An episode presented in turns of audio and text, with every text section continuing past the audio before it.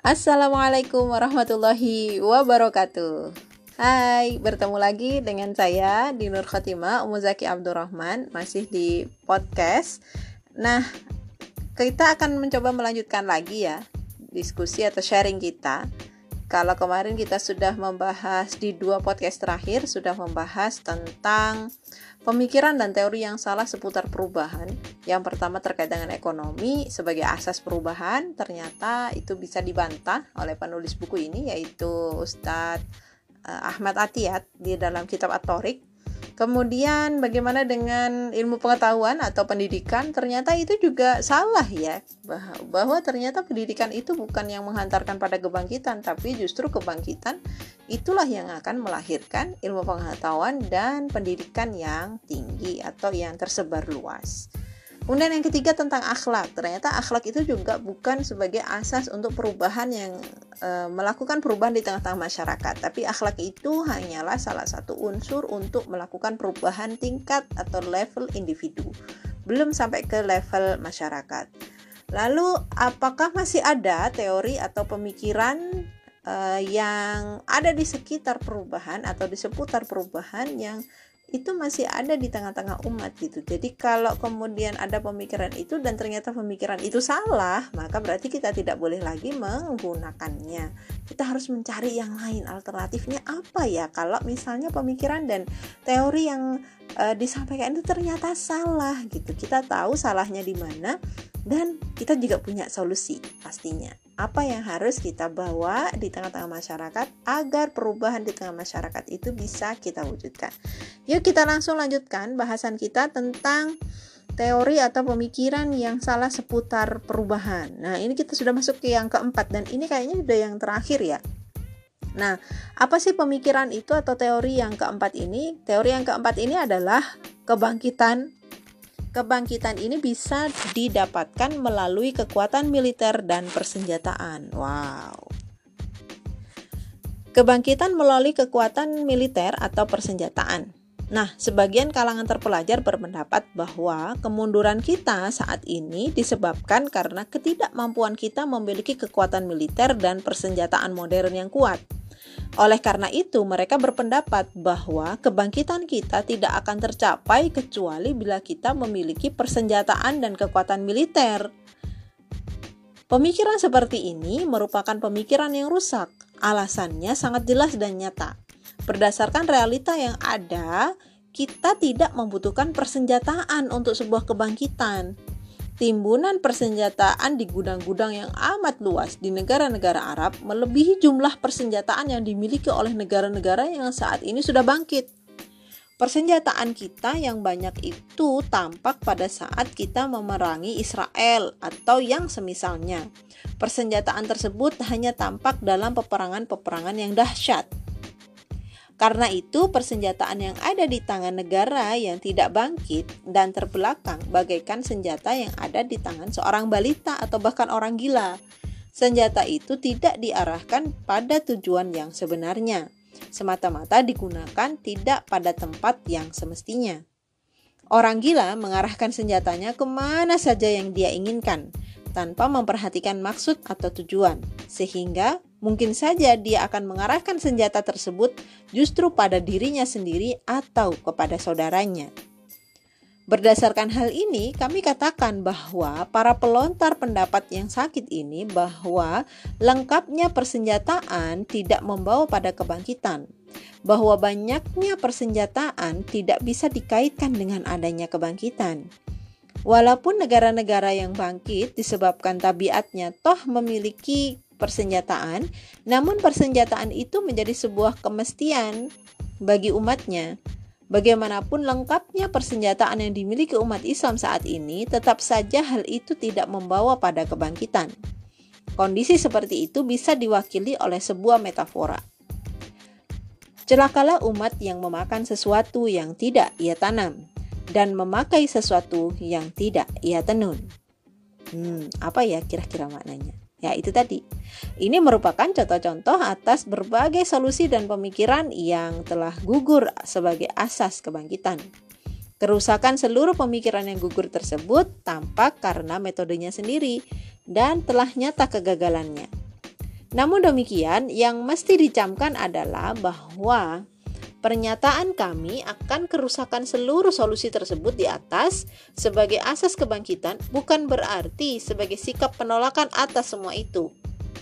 Yang dimaksudkan oleh pernyataan kami hanya sebagai penolakan solusi-solusi tersebut untuk dijadikan sebagai asas kebangkitan.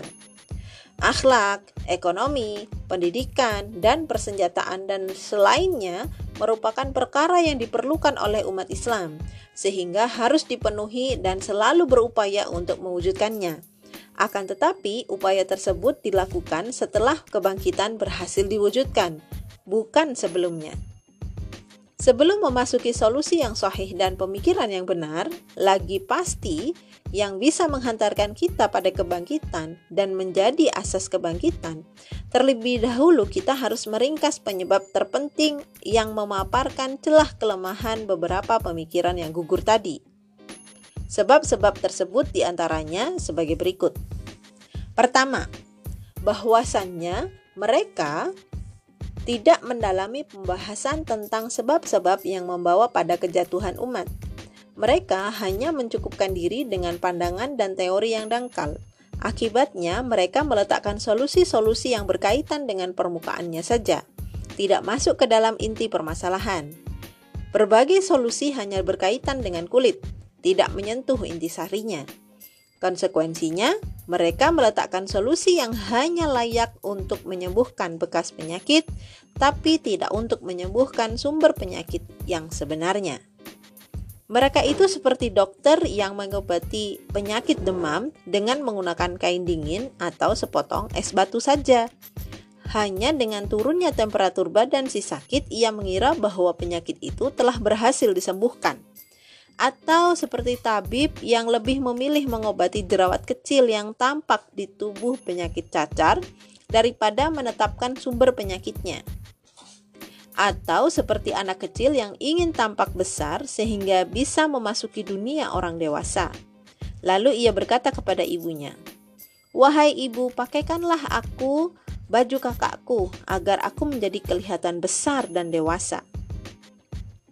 Mereka laksana seorang badui yang ingin merubah yang ingin berubah menjadi orang kota, lalu mengenakan pakaian orang kota seraya menyangka bahwa urusannya cukup berhenti di titik ini saja. Apa yang mereka lakukan sebenarnya hanya membahas seputar mazahir atau penampakan luarnya saja.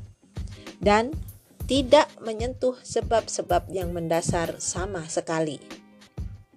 Agar upaya mereka itu bisa berhasil guna, mereka seyogyanya membahas lebih dalam dan memandang lebih cermat agar mereka sampai pada maksud yang diinginkan.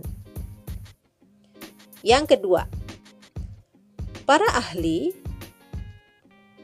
Para ahli pemikiran telah menyandarkan pembahasannya pada perkara-perkara yang tidak menjadi tujuan mereka yang hakiki, yaitu kebangkitan itu sendiri.